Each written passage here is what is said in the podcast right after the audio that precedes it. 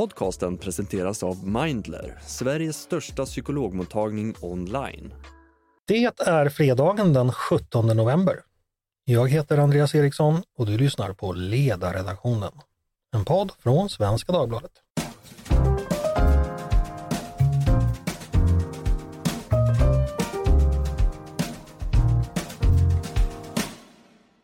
Varmt välkomna till oss, till ännu en podd med Svenska Dagbladets ledarredaktion. Och eftersom det är fredag innebär det att jag som vanligt samlat omkring mig mina kollegor från redaktionen för att de ska få tycka till och tänka till om nyhetsveckan som har gått. Det är en vecka som återigen har dominerats av kriget i Gaza. Nu har det väl, väl främst gällt de inrikespolitiska konsekvenserna.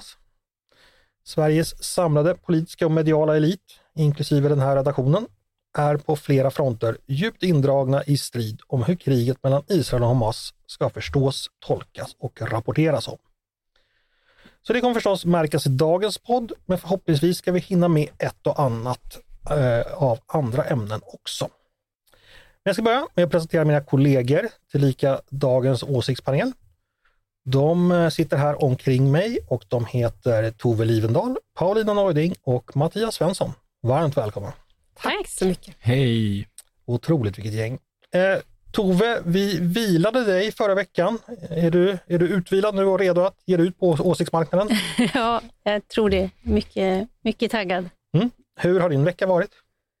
Ja, men den har varit bra, men väldigt intensiv. Så här års tycker jag att man bara springer genom mörkret och försöker hinna med allting som ska bli klart. Mm. Kanske finns det något flämtande ljus långt där framme i form av julstämning och så vidare. Eh, Paulina, du återkom i bravur förra veckan. Mm, tack var, så mycket. Hur var det? Det var roligt. Seger i Är du smartare än en ledarskribent? Mm. Sådär direkt. Mm. Fjäder i hatten. Det är det verkligen. Mm. Mattias, hur, hur är det med dig? Jo då. Jo då. Nu kommer inte jag kunna fråga dig om fotboll på fem månader. Vad ska vi prata om då? Fy fan vad skönt. Äntligen är säsongsdjävulen över. Men vi kan väl prata Janne Andersson och... Nej, det, det ska vi förbigå med tystnad tror jag. Du, Liberalernas landsmöte drog igång igår, så jag frågar återigen, varför är inte du där? Uh, ja, det är en bra fråga, men du ska ju dit, din lille folkpartist. Jag ska ju dit, men med tanke på, på din, din bakgrund, din historia, din person, hela din gärning, så känns det som att, ja, vad ska sleven vara helt enkelt? Om inte i folkpartisoppan. Nej, hörni, vi ska gå vidare med veckans ämnen. Tänkte att vi skulle börja med det som jag nämnde inledningsvis, de, de inrikespolitiska konsekvenserna av det som eh, sker i Mellanöstern. Och då ska vi börja med att lyssna på ett klipp som ni säkert redan har hört, men vi ska repetera lite kort. Så här lät det. Jag konstaterar bara det som många har vittnat om, att det var ett arrangemang med Hamas-företrädare och att den person som Magdalena Andersson personligen säger har vikt sitt liv åt att bekämpa Hamas var där och deltog. Är inte det en ganska uppseendeväckande uppgift? Det är väl en sak att säga att man inte tycker att det är bra. En sak att ifrågasätta, att garantera att det här är en del i en livslång kamp. Min bestämda känsla är denna. Det finns en terrorromantik i vissa S-kretsar som borde besvära S-ledaren.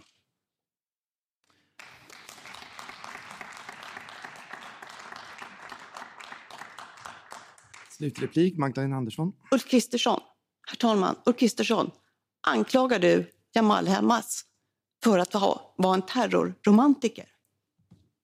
Han, hans sonhustrus familj utplånades för några dagar sedan.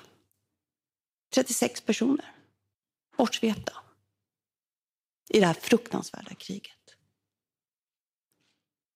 Och du menar att han är en terrorromantiker som står bakom Hamas? Det är en fruktansvärd anklagelse, Ulf Kristersson. Du är landets statsminister. Hur kan du göra så här? Detta var alltså hämtat från kammaren, riksdagens kammare i onsdags. Eh, jag tänkte vi skulle prata om det här, för det gör ju alla andra också. Hey, I'm Ryan Reynolds. Recently, I asked Mint Mobile's legal team if big wireless companies are allowed to raise prices due to inflation. They said yes. And then when I asked if raising prices technically violates those onerous two year contracts, they said, What the f are you talking about, you insane Hollywood ass?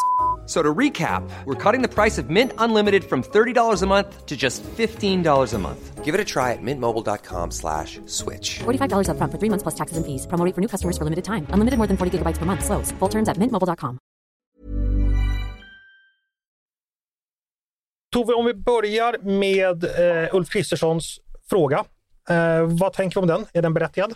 Ja, den är berättigad. Det är är stora konvulsioner i världen och de får återverkningar här hemma. Och eh, det är rimligt att ställa den frågan som man gör, som jag inte tycker är överdriven eller, eller eh, ja, inte på plats, utan det här är ju så att Socialdemokraterna har en lång historia av att inte ha kunnat städa ordentligt framför egen dörr.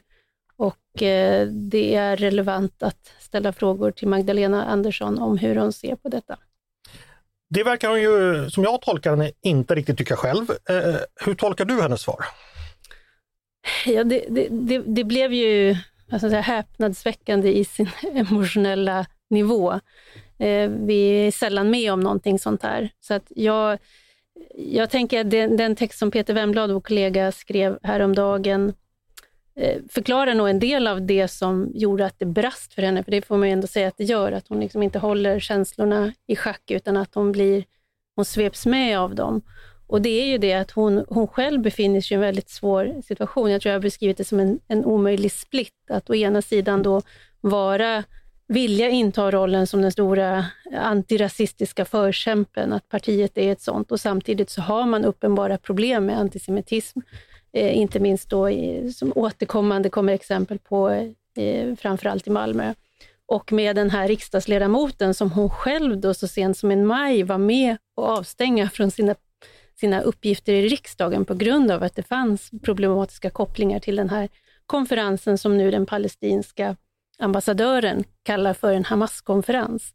Så att det, det är, jag, jag tolkar henne som att hon blev övermannad av en fråga som i grunden är väldigt svår för henne att svara på. Ja, hon svarar ju inte alls på den. Nej. Nej. Nu har jag sett, eh, jag som tillbringar mycket tid ute på X eller på Twitter, att man då från vänsterhåll har då velat, eh, velat tolka eller spinna ord, vad, vad, man kan välja olika ord här.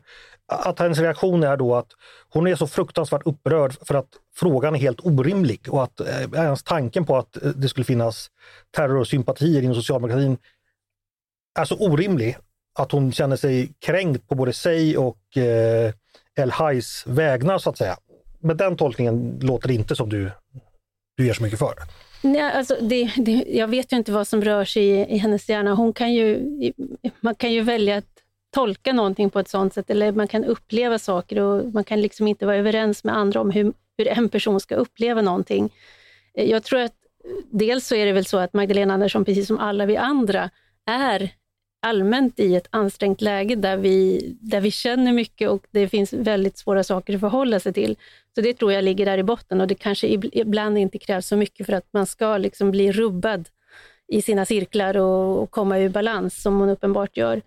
Eh, men jag tror ju att det, det, det, är inte så, ingen ska försöka övertyga mig om att Magdalena Andersson själv inte hade ställt motsvarande fråga om förutsättningarna hade varit de motsatta. Mm. Eh, och det är inte en person som i något fall har tvekat att göra en stor sak av regeringens samarbete med Sverigedemokraterna och dragit den pendeln väldigt, väldigt långt eh, och ställt frågor om vad det innebär. Så att hon är inte främmande för frågeställningarna om hur olika partier håller rent, så att säga. Mm. Låter frågan gå vidare till, till Paulina. Om, mm. om du får, får, samma fråga egentligen, hur, hur tolkar du Magdalena Anderssons reaktion? Så här, alltså eh, det är väldigt komprometterande för S att man gång på gång avslöjas med att hysa antisemiter och terror, terrorromantiker, som Ulf Kristersson säger, i sina led.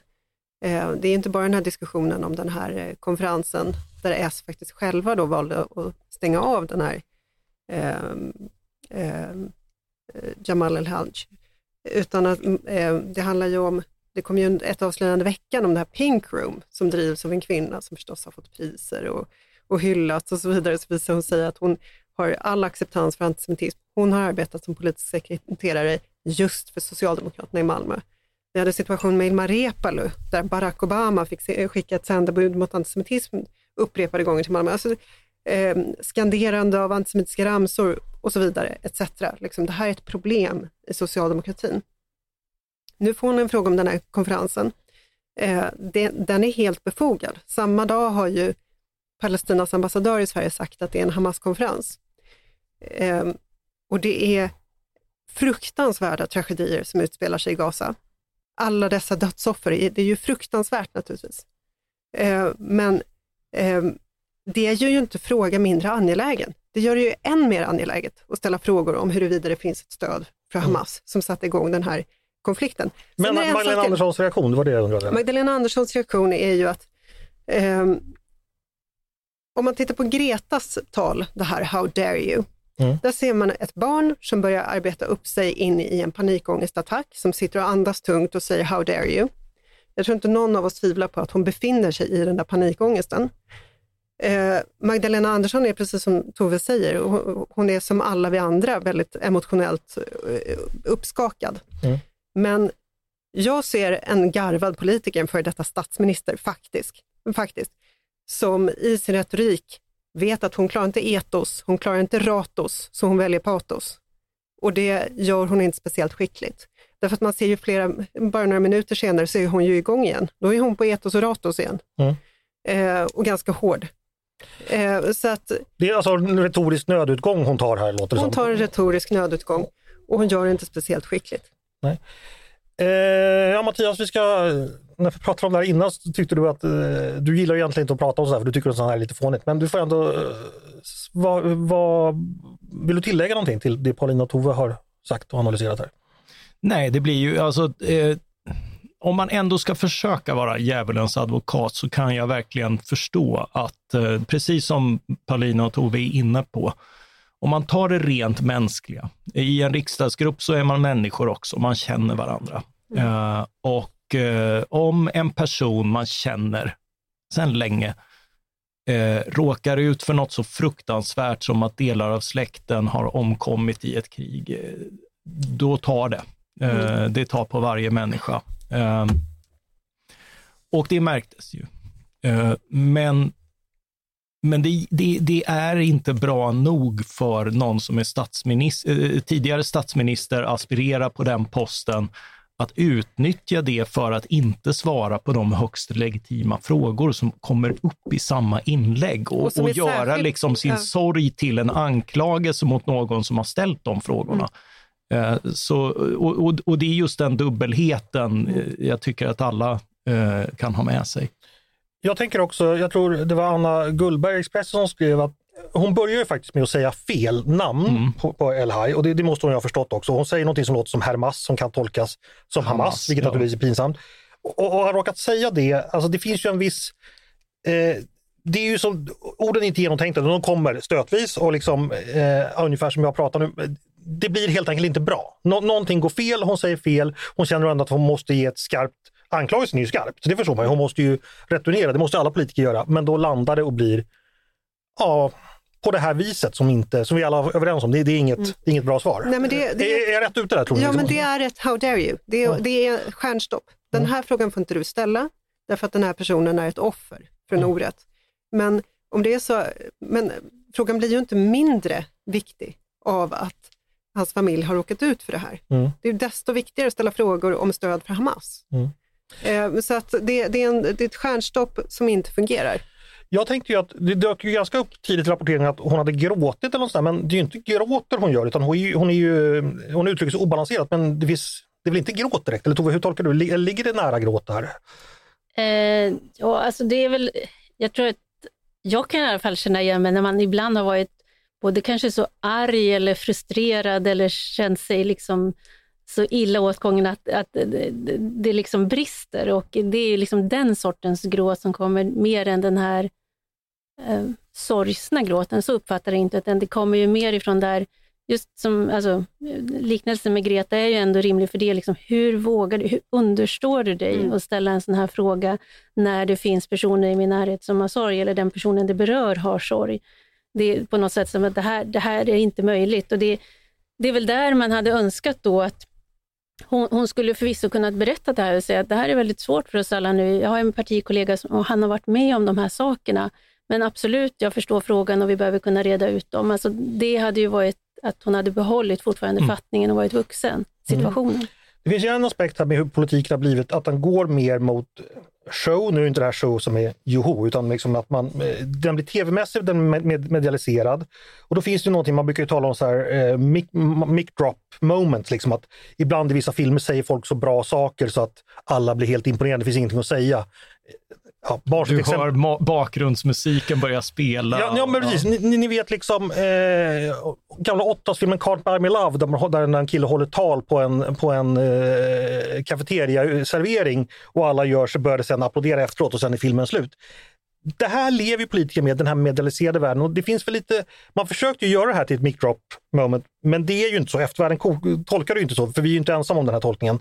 Men det är ändå någonting som jag tror med att, för även politiker påverkas av den här bilden att ibland så ska man göra sådana grejer men i verkligheten så är det ju inte som på collegefilm eller high school-film helt enkelt. Nej, men jag menar, det, man kan ju alltid, det finns ju alltid en utväg att säga att din fråga är illegitim. Mm. Ehm, och, och, och det, är inte, det är inte fel att göra det när det är befogat. Alltså jag, om, om jag hamnar i en debatt, vilket jag ibland gör, där man får höra anklagelsen att man är blåbrun, då Mm. säger jag tack, jag har inte lust att prata med dig mer, för det där tycker jag är, är ovärdigt. Ehm, och jag menar, det, det är ju det Magdalena Andersson försöker göra, bara att hon har faktiskt inte fog för det. Mm. Nej, för det, det, precis, och det, det tycker jag, eh, det kanske viktigaste att komma ihåg att frågan är ju väldigt, väldigt berättigad. Det är möjligt att den har ett utmärkt gott svar. Eh, El Haj kanske verkligen har en taktik som bygger på att han motarbetar Hamas genom att ibland måste han vara nära dem. Det, det, det vet inte jag, men, men det är ju inte det svaret som Magdalena Andersson har gett. Hon har ju gett att bara frågan är out of bounds, så att säga. Mm. Och då, det här är partiet som hade en KSO, kommunstyrelsens ordförande i Malmö, som alltså upprepade gånger fick besök av Obamas sändebud, som Mm. gick ut ur möte med honom och sa, jag vet inte vad som finns i hans hjärta, men han uttrycker sig antisemitiskt. Mm. Alltså det, Ja, han de är här- tungt, svårt belastat parti på det här sättet. Han sa ju bland annat att vi tillåter varken eh, antisemitism eller sionism i, i Malmö. Alltså det, det, liksom, och likställde dem. Ja, ja, det, det var ju så Mm. fullkomligt bisarrt. Att, och att den judiska församlingen i Malmö, det var en intervju med dig minns jag, Ja, var, var det- infiltrerad av, av SD. Liksom. Det, Precis, det det var- vill säga judarna var, var själva ansvar för Mm. eventuella, eventuella antisemitism. Det finns ytterligare en aspekt på det. Jag, vi ska fortsätta gråta lite. Det är ju det här med att vrede, sorg, känslor har med politik att göra. Många av våra politiska uppfattningar grundas i det, kanske i starka formativa upplevelser. Men jag tänker ändå att när vi går in i, i riksdagskammaren, precis på samma sätt som när vi går in i den här podden, ni vet ju hur arg jag kan vara på i våra interna möten och sådär. Alltså, Men, ja, nej, men, och, och jag kan också hamna i, i how dare you moment. Men jag tar ju inte med mig det in i podden för här försöker jag kanalisera det till ord, till argument. Kanske inte lyckas all varje gång, men det är ändå det man hoppas att även riksdagspolitiker ska göra. Att i kammaren lämnar vi det andra utanför. För där ska vi ha ett cleant protokoll där sak mot sak gäller, ord mot, mot ord. Förstår ni vad jag menar? Att den Ja, aspekten... och, och jag menar, det där stjärnstoppet, det, det bor ju väldigt nära med någonting totalitärt. Mm. Alltså det som Greta Thunbergs föreställning, skälet till att jag tyckte den var så otroligt otäckt, hur, hur liksom världsledarna prostrerade sig inför henne just på grund av det här utbrottet. Mm. Där, där liksom ord fick ge vika för skrik och hysteri. Eh, det är någonting, eh, man ska akta sig för de antidemokratiska impulser som det kan eh, trigga igång. Du måste nästan förklara stjärnstopp. Jag tror inte alla utanför vår generation förstår det. Eh, vad, vad sa man? Man sa någonting, du, spegel, stjärnstopp, alltså det, vad du än säger nu så trumfar jag dig. Precis, och du bara gjorde tecken med händerna också. Ja. Det var en magisk grej att jag lyssnar inte på det längre. Ja. Mattias, du skulle säga något? Eh, Ja, jag, jag håller inte riktigt med, eller jag tror inte man kan ställa den typen av krav, därför att vi, vi är ändå känslovarelser. Det finns teman, det finns eh, sånt som leder in till associationer för mig. Jag är väldigt lättrörd. Eh, Det finns definitivt ämnen eh, som, som berör mig på ett sånt sätt att, att liksom rösten blir svajig. Alltså när, inte nödvändigtvis som ett retoriskt grepp, utan snarare ett problem jag har att prata om sådana saker. Och, och att, att, läm- att, att, säga att man lämnar det utanför i en professionell roll och sådär, så funkar vi inte alla gånger. Det, det var, det var, du missförstod mig nog. Jag menar inte som ett krav, jag menar bara att den ambitionen tror jag Ja. ändå de flesta av oss jobbar med. Oh ja, ja, ja, ja, men då är jag Men, med. jag- men jag menar, om din röst brister varje gång du pratar om Ayn Rand, på ett sätt som får oss att känna så här, men vi ska inte, vi ska inte kritisera Ayn Rand när Mattias är med, för ni vet hur han blir. Då, då finns det ju en, ett mått av manipulation, det, det kan öppna för ett mått av manipulation. Eh, Paulina, du ser vad Mattias ansiktsuttryck nu. Ja, ja, jag är väldigt trött. Ja, men ni fattar vad jag menar. Ja. Och, och liksom, ehm, vi har väl alla dragits till, eh, valt det här yrket för att vi känner starkt för saker och tycker att de är viktiga. Och det är klart att vi, vi känner en massa saker kring det och ibland kommer de känslorna fram och ibland liksom, på, på olika sätt. Men jag tror att man måste vara vaksam på just det här, den risken för manipulation, risken för det här med eh, att tysta diskussion, att säga nu känner jag så här, därför får inte du säga någonting. Eh, du får inte ställa den här högst befogade frågan därför att Mm. eh, så.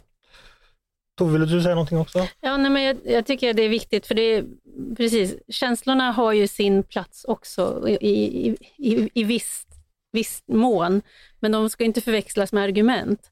Och det är det Magdalena Andersson gör här, hennes känsla på något sätt blir argumentet och det är det inte, utan man kan förmedla dem och sen kan man förhoppningsvis göra det på ett sätt som man själv också känner sig nöjd med, för här, här tycker jag som sagt att det verkar som om man själv blir övermannad av dem. Men jag funderar på det där med att gå in, eh, det är ju frågan också i vilken mån man vårdar institutionen, alltså riksdagen som institution. Hur ska vi föra debatter här? Och då tror jag att det som Paulina är inne på, att ja, men man måste mötas på renhårigt sätt. Det är en sak. Men sen har vi ju eh, med de här sociala medierna så vet vi att allting som sägs som är lite sådär, när man kör lite ute i vägrenen och blir lite djärv, det kan ju bli en fantastisk meme som sen går runt och man kan få enormt mycket cred för det. Motsvarande sker ju också förstås. Eh, Men sen finns det ju då och då sådana som vill sätta sitt eget ego över institutionen. Jag tänker på när Rosanna Dinamarca tog på sig den här t-shirten vid riksdagens öppnande, du är inte min talman och sådär. Man vill göra en show av det som du var inne på tidigare. Och då tycker jag att då har man liksom gått för långt. Då har man satt sig själv före den institution man ändå har ett ansvar för att uppbära. Vi ska gå vidare. Eh, ja, vi ska ju passa på naturligtvis att sända en tanke till Jamal El-Haj vars då släkt har, har drabbats eh, av kriget. Och han och många, många andra svenskar är ju personligen djupt drabbade av kriget, ska vi, ska vi också komma ihåg. Eh, Och där är ju naturligtvis känslor eh, både berättigade och förståeliga. Eh, Det ska sägas, El-Haj har ju då, fick ju igår, tror jag det var, frågan av, av TV4 om han, vad han tyckte om Hamas. Då, då vill han inte kommentera, eh, inte ta avstånd eller i övrigt säga någonting. Men sen skickades det ut ett pressmeddelande från Socialdemokraterna där han, eh, ja enligt det då så, så tog han avstånd från Hamas. Och där är vi väl ungefär idag. Jag tror inte den här diskussionen är över på något sätt. Vi ska gå vidare i, i, i våra diskussioner och då tänkte jag vända mig till Tove, för du har bett att få en liten reklamspot här faktiskt. Du har någonting roligt att berätta. Precis, jag ska, på tal om det där med egot, jag känner att det blev en jättedålig övergång här. Jag ska faktiskt göra reklam för ett event som SvD Accent har den 8 december på morgonen då eh, Elsa Westerstad som är idé och samtidsredaktör på kulturredaktionen ska samtala med mig om den här nya boken som jag har berättat om i tidigare eh, poddavsnitt som heter Tillbaka till Rosengård, samtal om hur livet blev som ges ut på Timbro och har lansering den veckan. Så att det blir ett samtal om eh, eh, de sju personer som jag har haft förmånen att få följa i 20 års tid. Eh, när jag träffade dem första gången så var de 12 till 16 år och nu är de alltså 32 till 36 år. Och, eh, förutom att det har varit spännande att följa deras liv och se, se vad det blev helt enkelt, så är det ju också så med tanke på var de är uppvuxna, så finns det mycket frågor eh, kring deras uppväxt och kring deras erfarenhet av att ha, ja, vem man kan bli i Sverige. De är ju barn till invandrare allihopa och eh, det är ju frågor som har eh, kanske om möjligt ännu mer relevans idag än för 20 år sedan när jag skrev den första boken. Mm. 8 december alltså. Eh, hur, hur signar man upp på det här om man vill gå? Man går in på eh, accent.svd.se. Där finns information och anmälan. Då hoppas jag att så många som möjligt har, har möjlighet att komma och eh, höra Tove berätta om sin bok. Och boken förresten, när, när har vi den i händerna? Ja, den, ska, den första lanseringen är i Malmö den veckan, då, den 4 december, så jag hoppas den hinner komma från trycket till dess. Den är iväg just nu. Toppen. Hey, I'm Ryan Reynolds. At Mint Mobile, we like to do the opposite of what Big Wireless does. They charge you a lot, we charge you a little. So naturally, when they announced they'd be raising their prices due to inflation, we decided to deflate our prices due to not hating you. That's right. We're cutting the price of Mint Unlimited from $30 a month to just $15 a month. Give it a try at mintmobile.com slash switch. $45 upfront for three months plus taxes and fees. Promo rate for new customers for limited time. Unlimited more than 40 gigabytes per month. Slows. Full terms at mintmobile.com. Vi ska gå vidare och då ska vi tala om lite texter som vi har eh, producerat, eller vi, ni har sk- skrivit i veckan. Eh, Mattias, du har skrivit en vad jag tycker för dig ovanligt försonlig text om Liberalerna. Det finns tydligen det, vissa... säger, det säger ju tydligen hur illa det är eller något. Det finns vissa goda saker i det partiet. Eh, tänk, så läser jag det i alla fall. Läser jag det rätt då?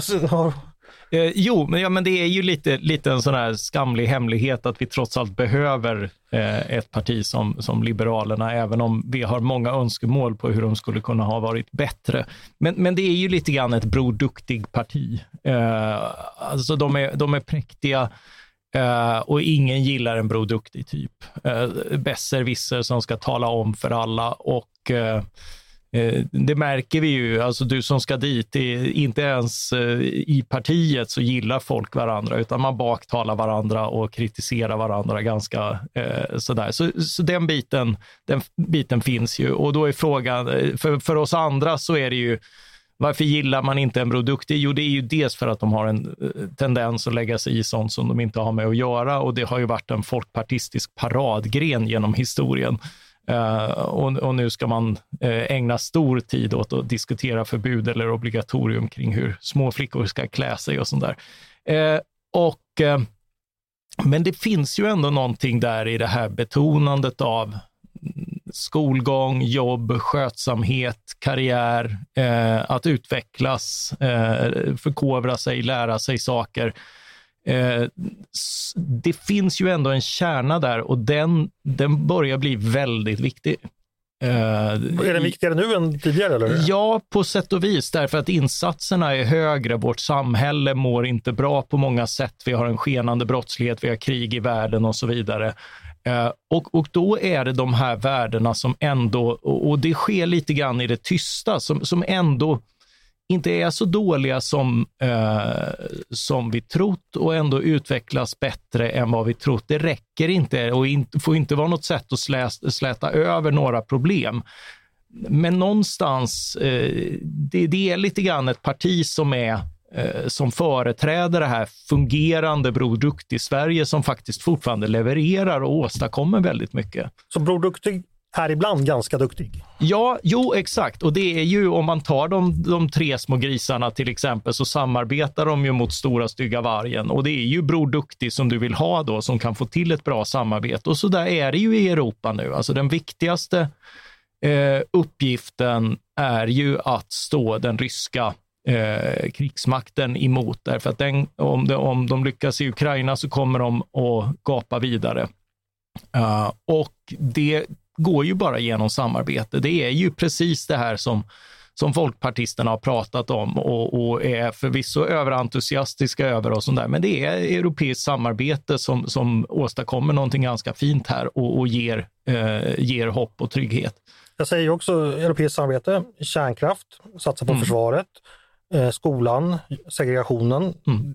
Här finns ju ändå en hel del ämnen där Liberalerna varit ute tidigt och sen fått rätt så att säga. Ja, så det är, det är ju uppenbart ett parti som, eh, som på många sätt behövs. De kan vara irriterande, de, de kan mästra. Det finns inget så irriterande som att behöva medge eh, hur rätt de har haft i mycket, eh, men, men det kan jag väl bjuda på.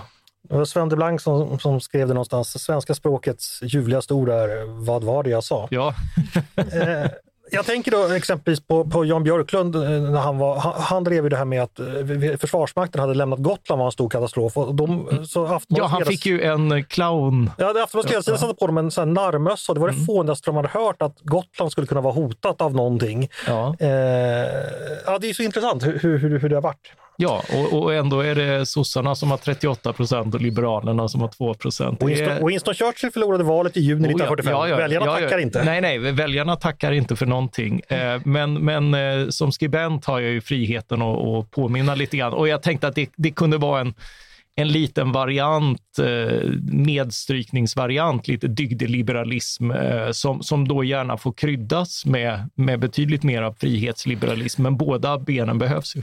En, jag tolkar det i alla fall som en liten lyckospark inför eh, helgens landsmöte. Oh Paulina, du tillhör ju den gyllene luftgenerationen. Eh, En av dem. en, en av många. Eh, håller du med om Mattias, det Mattias skriver eller, och tänker och säger? Ja, alltså jag har varit så inne på Folkpartiet och deras eh, skolpolitik och eh, jag blir inte klok på det. Jag sitter här och väntar på att de ska komma med. Vi är, vi är ett år in i mandatperioden. Det har fortfarande inte kommit någon, satts igång någon utredning om en ny eh, läroplan, vilket är helt centralt för skolan. Det här är liksom det här partiets raison d'être och man lyckas inte, eh, eller har hittills inte lyckats, bara sparka igång det som väljarna, det enda väljarna vill att det här partiet ska göra i princip. En utredning om en läroplan. Du, du tänker verkligen på alla väljare som folkpartister. Här. Mm, precis. Nej men alltså, eh, det här är, vad förväntar man sig av Folkpartiet i den här En regeringen? utredning om en läroplan. Nej, men man förväntar sig att de ska vända skolan så att skolan blir en normal, vettig europeisk skola istället för det här kaoset som vi har nu. Eh, det är dels läroplanen och dels naturligtvis vinstjakten i skolan som är oanständig, som eh, liksom varje normalt borgerligt sinnad person borde reagera mot. Och, och, och det här lyckas man inte med. Jag, jag liksom, ehm, Okej, så du vill ha mer av Liberalerna helt enkelt? ja, I just den här frågan. Ja, nej, men det, det är intressant. Och, och sen finns det andra folkpartismer som man såklart inte vill ha så mycket mer av. Nej. Eh, men att man inte lyckas leverera i just den frågan, det tycker jag är gåtfullt. Jag ska ta upp en sak till som Mattias skriver i texten och det är att vi ser fler och fler tecken eh, på att utrikesfödda i lägre grad verkar hamna i utanförskap. Det har vi sett de senaste fyra fem åren. Att utvecklingen är positiv. Allting är inte frid och fröjd förstås, för det är mycket stora skillnader. Men här finns en story som jag kan tycka är lite underrapporterad. Det är visserligen bara tre, fyra år gammal, men nog så viktig, Mattias. Jag tänkte det att du, du nämnde den också, att arbetslinjen verkar fungera.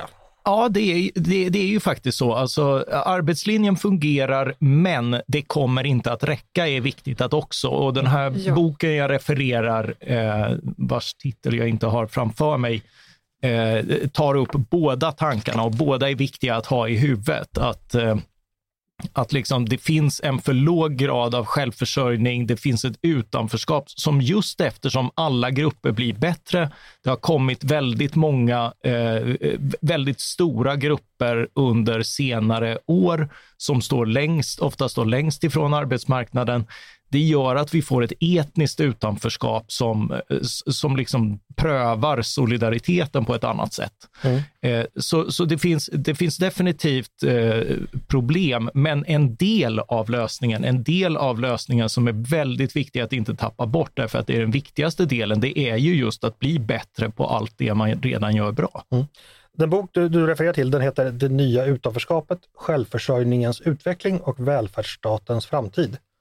Var nästan folkpartistisk titel. Eh, Den är skriven av Johan E Eklund och Johan P Larsson. Jaha Tove, du sitter tyst när vi pratar Liberalerna. Är det, beror det på att du är ointresserad eller är det, har vi sagt allting klokt redan? Jag är en lydig elev, jag svarar bara om jag får en fråga. Då ska du få frågan, vad heter, vad heter de andra två små grisarna? Ja, De heter faktiskt Bror Lustig och Bror Hurtig. Det är inte så många som heter. Bror Duktig vet alla vem det är, men, men inte. Hurtig tror jag inte folk vet vad det är överhuvudtaget längre. Men det är den nya när, la, när läroplanen som du ska sjösätta. Det är därför de är grisar. Eh, grisar som går på två ben är väl mer jämställda än andra grisar? Eller? Ja, jo, det har jag läst en bok om. 1983 heter den väl? Eller, eller Fråga Annika Strandhäll. organisk standard. Jaha, eh, då går vi vidare. Och vad ska vi ta då? Eh, Tove, jag läste din text från, från förra söndagen. Eh, då skriver du om att regeringen och Moderaterna i synnerhet ska, ska ta till sig den gamla krigsmottot från, från Storbritannien. Keep calm, uh, calm and carry on.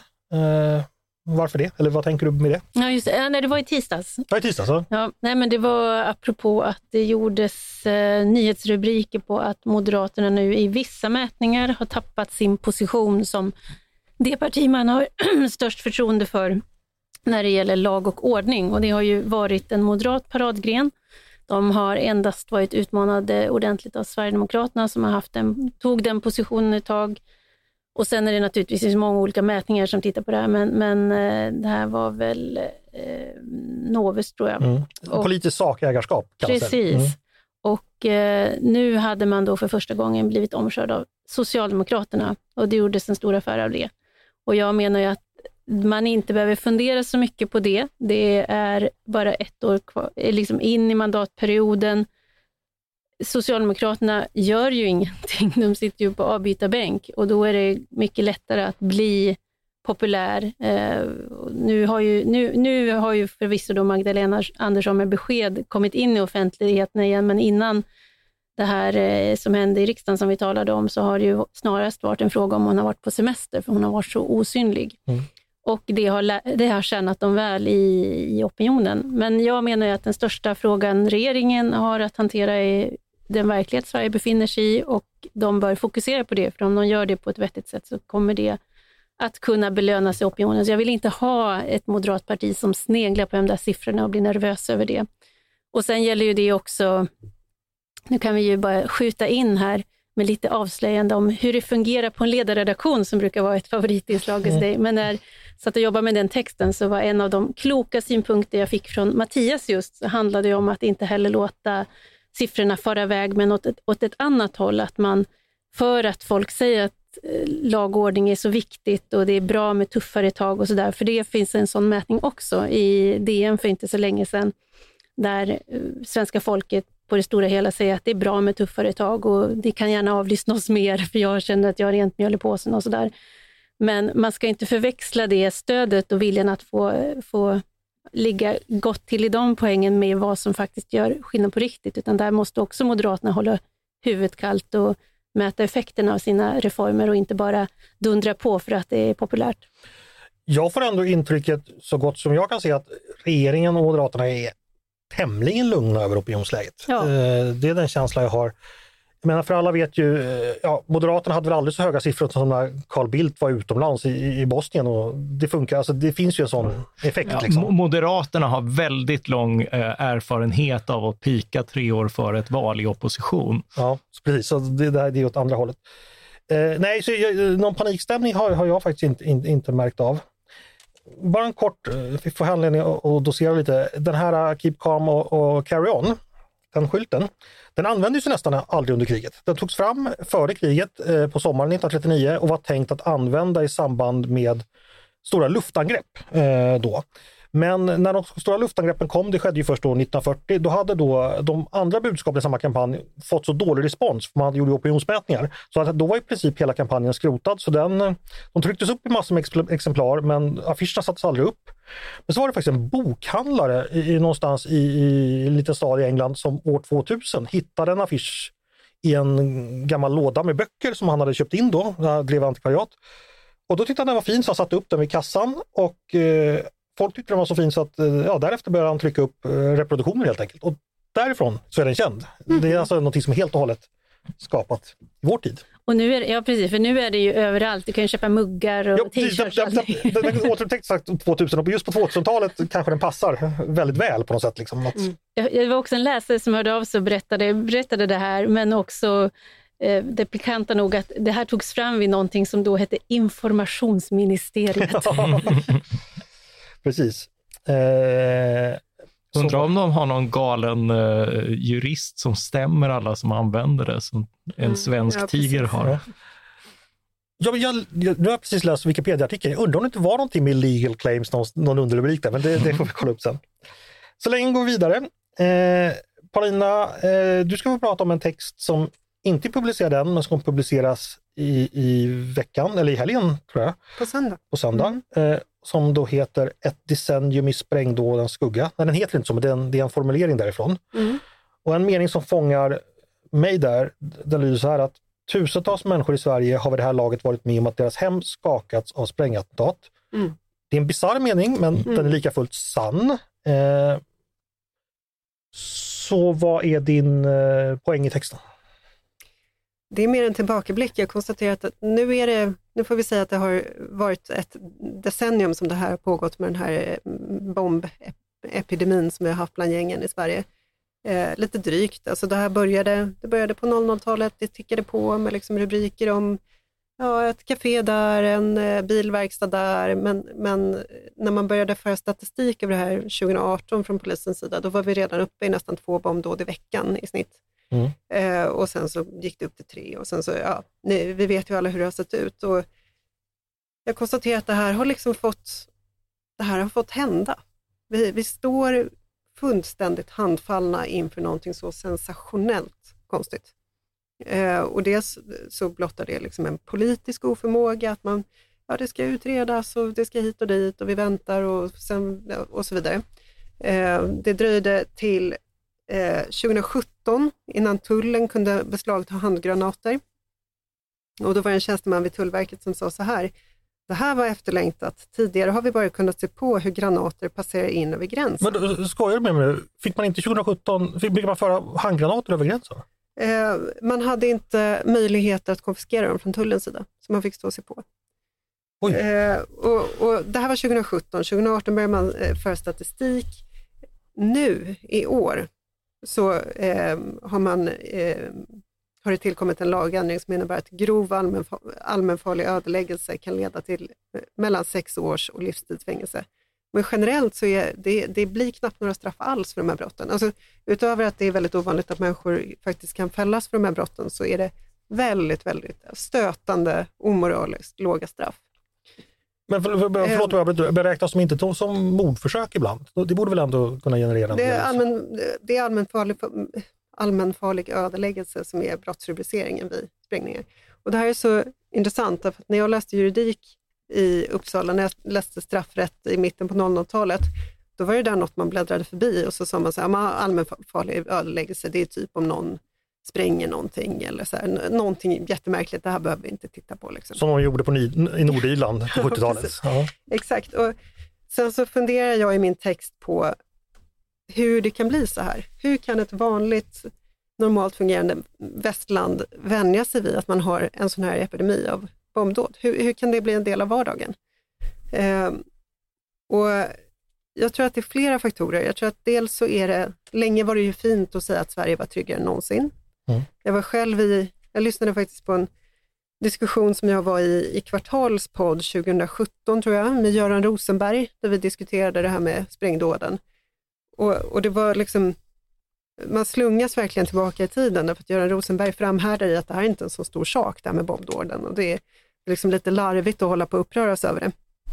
Ja, Det var väl inte bara larvigt, det var ju ibland direkt illvilligt och, Illvilligt, och farligt och så politiskt eh, farligt helt så, så att mycket har ju förändrats i år därför att det har blivit så fruktansvärt illa i år. Som barnamorden, morden på barn, morden av barn, eh, sprängdådarna är, är värre än någonsin, eh, skjutningarna och så vidare. Men det beror ju på en, en konflikt som har exploderat in mellan, mellan och inom kriminella kretsar. Mm. Eh, så jag menar, det, det hade kunnat ske tidigare, det hade kunnat inte ske i år. Men, men det har skett och sen har opinionen, liksom, det har blivit eh, plötsligt är gängvåldet en väldigt viktig fråga. Så det är en faktor, att det är värre än någonsin. Men en annan faktor är ju att vi har borgerlig regering. Plötsligt så var det inte så liksom, viktigt med Sverige i bilden och allt det där. Det var inte lika viktigt att, att förminska det som skedde. Och sen så tror jag att det också är det här att nu när kretsen av måltavlor har vidgats med det här gängkriget, när man går på systematiskt går på anhöriga, eh, så känner människor, eller många säger det, man är ju inte trygg någonstans. Mm. Och jag tror att tidigare så fanns det någonstans i bakhuvudet ändå så här, men det här händer ju inte i normala bostadsområden. Man, man har liksom avskrivit det som någonting som händer i utanförskapet och som inte liksom påverkar påverkar dem där uppe så att säga. Men att det blev så här, är det inte det ganska enkelt? Dels den här eh, liknelsen med grodan som vi alla brukar Mm. Eh, sen vanlig alltså, senfärdighet, lathet, opportunism, politisk korrekthet, missriktad antirasism. Alltså mycket av det som har, ligger bakom att vi, vi inte har... Precis, och jag menar, här, här kommer vi till det här med lyxåsikter igen. Alltså, det är ju en väldigt fin åsikt för oss här uppe att säga att det där inte är så farligt. Men de där nere har ju burit kostnaden väldigt länge. Och jag tar upp det i texten också med den här pojken som, eh, när man kastade in en handgranat i en lägenhet i Biskopsgården, en pojke mördades. Eh, jag nämner eh, två barn som fick hoppa ut genom fönstret när deras lägenhet eh, skakades av ett bombdåd 2019. Eh, två jätterädda barn, Mm. såklart. Och ändå så kunde man hålla på i debatten som om det här var så, ja, bilden överlag är liksom på ett sätt och det här är någonting, men liksom så. Men är vi på gång nu? Alltså har vi då kommit över det här tidiga problemen och kan börja lösa dem? Jag är rädd att vi fortfarande inte är där. Alltså, det finns ingen sense of urgency eh, på det sättet fortfarande. Alltså, Även med denna regering menar du att man inte... eh, jag, jag ser att man har satt igång ett antal utredningar. ja fast men kom det- igen, det måste man ju göra. Jo, jo och, och häromdagen så fick en, en, en kille lagens hårdaste straff för en avrättning i Skogås, vilket var fyra år på det som kallas Playstation-läger bland kriminella. Alltså, vi har inte tillräcklig sense of urgency. Det är helt uppenbart. Oavsett hur mycket vi pratar om gängvåldet så är det så att vi har accepterat att det, det sprängs ett antal bomber varje vecka. Och eh, de här torpederna härjar runt. Och det går väldigt, väldigt långsamt. Vi får se hur det går med den saken. Eh, då ska vi gå vidare. Tack för att ni delade med er av, av era texter och tankar. Men nu har det blivit dags för mitt favoritmoment i den här podden. Eh, det som vi kallar Svar direkt, då jag stresstestar mina kollegors politiska reflexer och förmåga att blixtsnabbt skilja gott från ont och sant från falskt. Det går helt enkelt till så att jag likt på fritidsgårdens rundpingis lägger upp bollen för smash åt mina kollegor. Och smasha gör man genom att ta ställning till ett aktuellt förslag. Man svarar ja eller nej eller är för eller emot och snabbt ska det gå. Helt enkelt svar direkt. Är ni redo? Ja. Ja. Det är dags att Sverige lagstiftar om kvotering, även i små bö- börsbolag. Det skriver Danske Banks VD i Sverige, Johanna Norberg. Så här skriver hon. Genom att lagstadga om ett minimikrav på 40% skulle Sverige visa ledarskap inom jämställdhetsfrågor och fungera som en förebild för andra länder. Vad tänker du om detta? Bör Sverige införa kvotering och kräva att minst 40% av styrelsemedlemmarna är av det underrepresenterade könet i börsbolag? Ja eller nej? Alla svar direkt. Nej, Nej. Ja. idiot. Ja, du, du vill det? Jag skojar bara. Ja, okej. Mm. Ja, det var ingen som var för detta alltså? Nej. Okej, då får så här, hur, hur dåligt förslag är det här? Jättedåligt. Mattias, du, du säger jätte, jättedåligt. Jag säger stjärnstopp. Okej, då var enkelt det. Gå vidare. Chalmers, den enskilda tekniska högskolan i Göteborg, har beslutat sig för att i fortsättningen, som det heter, inte upplåta lokaler eller campusytor till politiska manifestationer. Detta för att, som det heter, värna säkerhet och trygghet för anställda och studenter. Bakom beslutet står såväl skolans ledning som studentkåren. Vad tycker mina kollegor om detta? Är det rätt att stoppa politiska manifestationer på en högskola på det här sättet? Ja eller nej? Jag har svar direkt. Nej. Inte på det här sättet, nej. Ja. Vi fick tre olika svar. Eh, det, det var bara med dig Paulina, det, det kan vara rätt eh, ibland. Ja, alltså, det, här- det här är... Man, man måste ju liksom stå upp för någonting vettigt och säga, om det är så att människor springer runt på campus och skrämmer studenter, eller uttrycker sig antisemitiskt, eller förhärligar terror, eller på något annat sätt uttrycker sig antivästligt, hatiskt, otäckt. Det kan vi inte ha på campus. Det tycker jag är helt legitimt. Vänta, hur många fakulteter ska du ta bort om Eh. du ska ta bort antivästligt? Ja. Eh, om man eh, skrämmer sina medstudenter, skrämmer lärare, alltså, det är ju helt uppenbart. Men det här klarar man inte av att göra. Så man säger, ingen får säga någonting överhuvudtaget. Och det är så otroligt svagt och vekt. Det här påminner mig lite om eh, med politiska ungdomsförbund i skolorna på gymnasiet när de började, ja, först var det SD och sen var det väl Alltid för Sverige och sånt som började komma och ha bokbord. Då bestämde man sig för många skolor på att inga fick komma. Mm, precis. Eh, istället för att kunna säga att är man demokrat, det demokratiska partier är välkomna, liksom, eller är man representerad i, i riksdagen som är väl, ja, det, det var svårt att dra gränsen. Tove, varför svarade du ja? Ja, men av samma skäl som Paulina. Eh, Mattias, du svarar rent rakt Nej. Ja, du tog ju upp det i premissen. Det här beslutet var för långtgående och därför fel. Det betyder inte att, eh, att, att, att alla slags manifestationer eh, ovillkorligen ska tillåtas, inklusive att man stör lektioner genom att gå ut från dem och sånt där. Alltså, det viktiga för, eh, för en lärande miljö, det är ju undervisningen. Det ska sägas, eh, jag tittade lite i, i läggen här och det har ju varit en så kallad walkout på Chalmers, vilket innebär att man då eh, mitt på dagen under, i undervisningen, om man vill då, de som deltar i manifestationen, de lämnar föreläsningen eller seminariet eller vad det kan vara och går ut.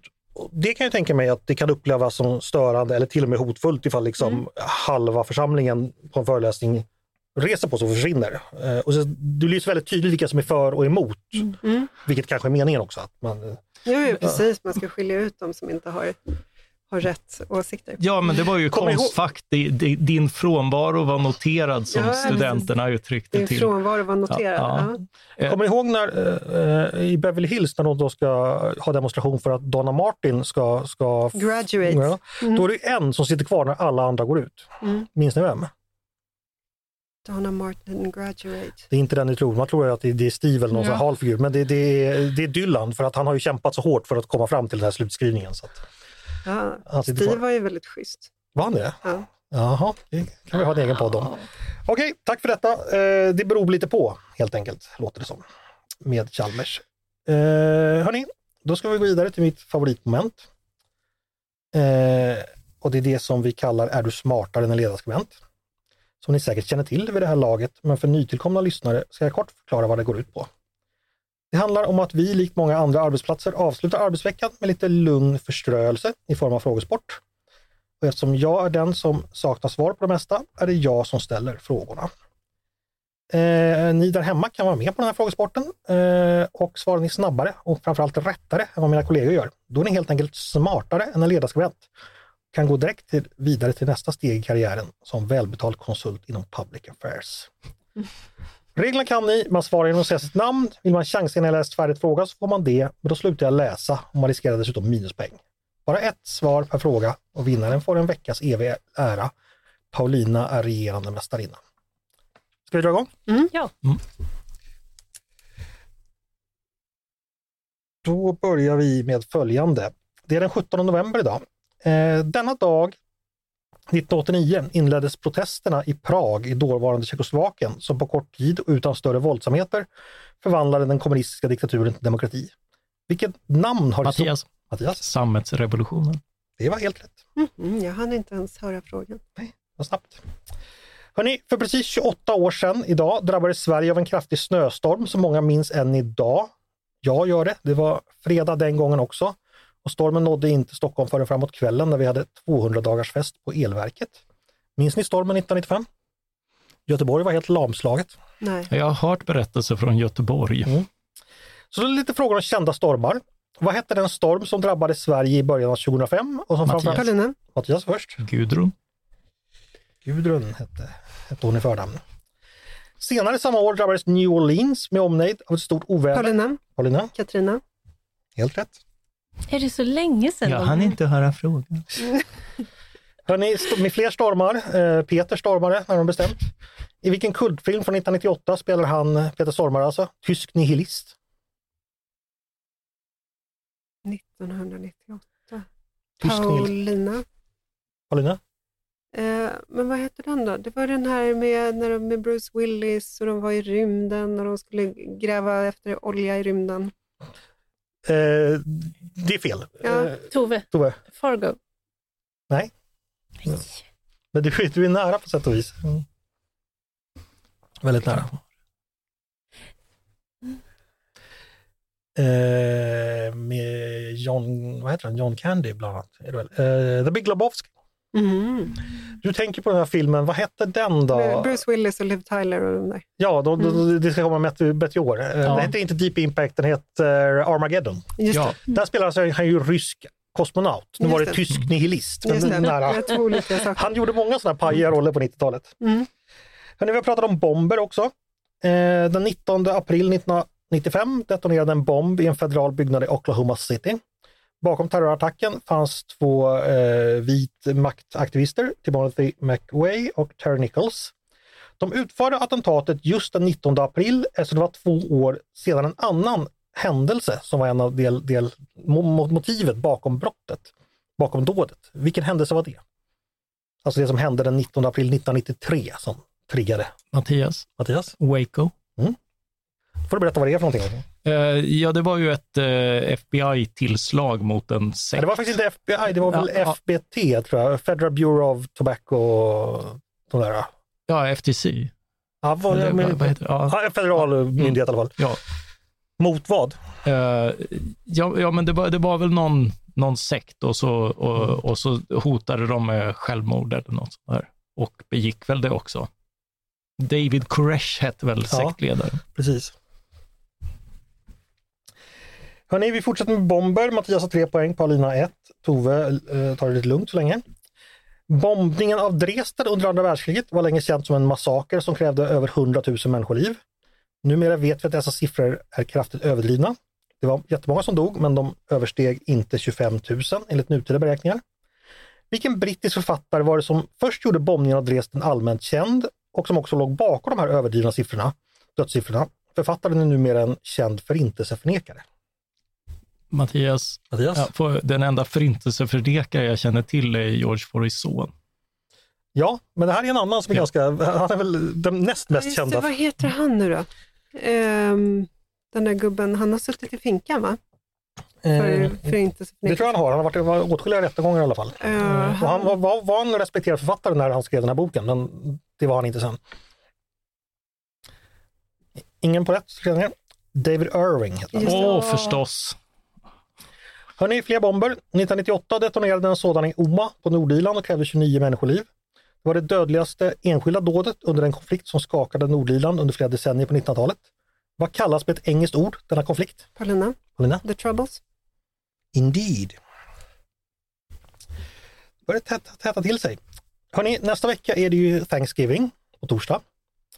Vilket år firade pilgrimsfäderna i Plymouth, Massachusetts den första tacksägelsedagen?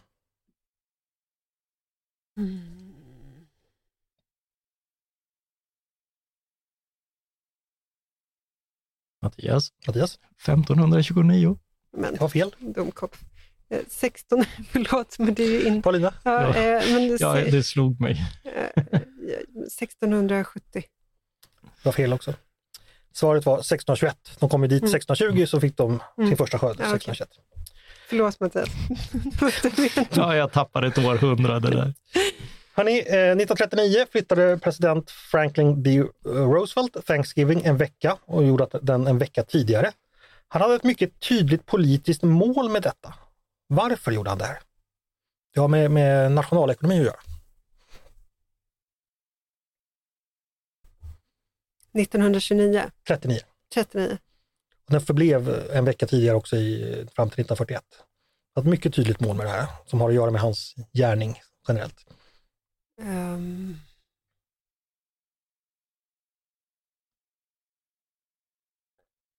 Ni kommer säga aha. Ja, Mattias, Mattias? Eh, jag chansar på att det hade med inflationsbekämpning att göra. Nej, inte riktigt. Men det hade det med hade varit ekonomin... min gissning också. Det hade att göra med att eh, julhandeln fick inte börja förrän efter Thanksgiving och han ville ha en vecka till julhandel för att stimulera, Ah, ja, förstås. stimulera ekonomin. För det, på det här, ja, han var ju Mm. keynesian Ja. förstås. Mm. Hörrni, mer Thanksgiving, mer presidenter. Eh, president Ronald Reagan införde en tradition som senare blev fast. Paulina? Att benåda en eh, eh, kalkon. Ja, så bisarrt Ja. är det faktiskt. Det är ungefär, det låter som det är ett straff att ätas. Jag visste inte att det var Reagan dock. Jag trodde att det var mycket, det känns ju som en gammal konstig... Det känns Ja, ju någonting som Martin Van Buren. Det, det var ju så att eh, Kennedy skickade en kalkon tillbaka, men det var för att han ville att den skulle växa till sig lite. Han använde inte ordet benådas. Men det var Reagan som gjorde det och sen var det George Bush, då, den äldre, som gjorde det här till en fast tradition. Så det gör man fortfarande eh, väldigt, är det inte morbid på något sätt? Liksom, Att göra det. Eh, och det här innebär ju att Paulina går upp på tre poäng också, vilket innebär att vi har en utla, utslagsfråga. Spännande. Då tar vi den här gamla favoriten som Paulina gillar. Hur många procent av vuxna amerikaner anses kunna besegra en grizzlybjörn i hand-to-hand combat? Och alla ska svara på detta alltså? Alla ska svara på detta. Nej, du, du och Mattias ska svara för det är mellan er det står. Ja, alltså 27 procent. mm, 27 procent av alla amerikaner. Mm. jag tänker så här, man kan ju stryka 50 procent direkt. In, ingen kvinna tror detta om sig själv. Men män däremot, Kvinnor har alltså dåligt självförtroende. då har vi alltså återstår 50 procent och så tänker vi oss en normal fördelningskurva där de som är riktigt stolliga finns liksom i den yttersta svansen där, så kanske 10 procent av dem, så 5 procent. Du resonerar väldigt klokt och väldigt rätt. Det är 6 procent. Ja, yes! Grattis Paulina! Tack så mycket. Fick du den där grizzlybjörnen till slut? Ja, Men, men alltså, har kvinnor så svagt självförtroende numera att de inte tror att de kan besegra? Nej, jag undrar hur man ser på sig själv då. Alltså, Ja. Hur ser man framför sig själva kampen? Tänker man så här, Men jag, kan, jag alla- kan nog peta den i ögat eller jag kan nog klippa till den. Eller? men alla har ju träffat Ja, men det var ju någon här, unge jag som hoppade på en björn Ja, nu. Ja, men det var ju liksom. inte en Det- grizzly i och för sig, men en Nej, björn. han, Evert hette han va? Ja. Ja, men, men ändå, jag, jag, kan- jag kan liksom inte föreställa eller man kanske tar något judogrepp eller eh, kung fu-spark bara rakt Man, man flykickar den. Ja, precis. Men vi har väl Sen alla är det inte, träffat... jag, jag är inte säker på att det är så stor överlappning mellan de där 6 procenten och de som faktiskt skulle ha en chans. Nej, nej, det, det är det som är poängen. Ja, Eh, Vad sa du, vi men- har alla träffat den typen av män? Ja, precis. Eh, Du har ju större chans om du har den inställningen tror jag. ja Och det förvisso. är därför men- den där genen har överlevt. Ja. Eh, det här håller på att utvecklas till en helt annan podd känner jag. Men, men precis, det måste jag, jag funnits tänker på den här eh, “fuck you, I'm Millwall”-killen som Mm. konfronterade terrorister. Ja, precis. Han kastade sig över eh, med också bara nävarna. Ja, liksom då. ja. Och, men lyckades ju hålla borta Ja, dem. Fast ja, ja. Han, och han överlevde lyckligtvis. Svårt skuren givetvis. Men, Mm. eh, precis. Ja, men någon gång måste ju en grupp Cromagnon-människor ha blivit överfallna av en grizzlybjörn och någon då för att rädda stammen hoppade på och kanske Mm. Lyckades någon gång liksom då och Mm. fick möjlighet då. Kanske inte just en grizzlybjörn, men någonting mindre. En grottbjörn. Ja. Grottbjörnens folk har man hört talas om. Mm. Så var det säkert. Eh, John Dalar förresten, hade han kunnat ta en grizzlybjörn? Han tog väl mest kvinnor? Va? Så, då är fredagsstämningen total och dags att stryka ett streck över detta. Stort tack för att ni kom och poddade och uttryckte era åsikter och berättade om era texter. Eh, Mattias Svensson, Paulina Neuding och Tove Livendal. Tack så mycket. Tack Andreas. Ett nöje som alltid. Och tack också till er som har lyssnat på dagens avsnitt av Ledarredaktionen. En podd från Svenska Dagbladet. Ni är varmt välkomna att höra av er till oss på redaktionen med tankar och synpunkter på det vi precis har diskuterat. Men också om ni har idéer och förslag på saker vi ska ta upp i framtiden. Eller om ni har tips på hur ni skulle ta er an en grizzlybjörn i hand-to-hand combat. Bara mejla till ledarsidan snabel svd.se. Dagens producent, han heter Jesper Sandström. Jag heter Andreas Eriksson och jag hoppas att vi hörs snart igen.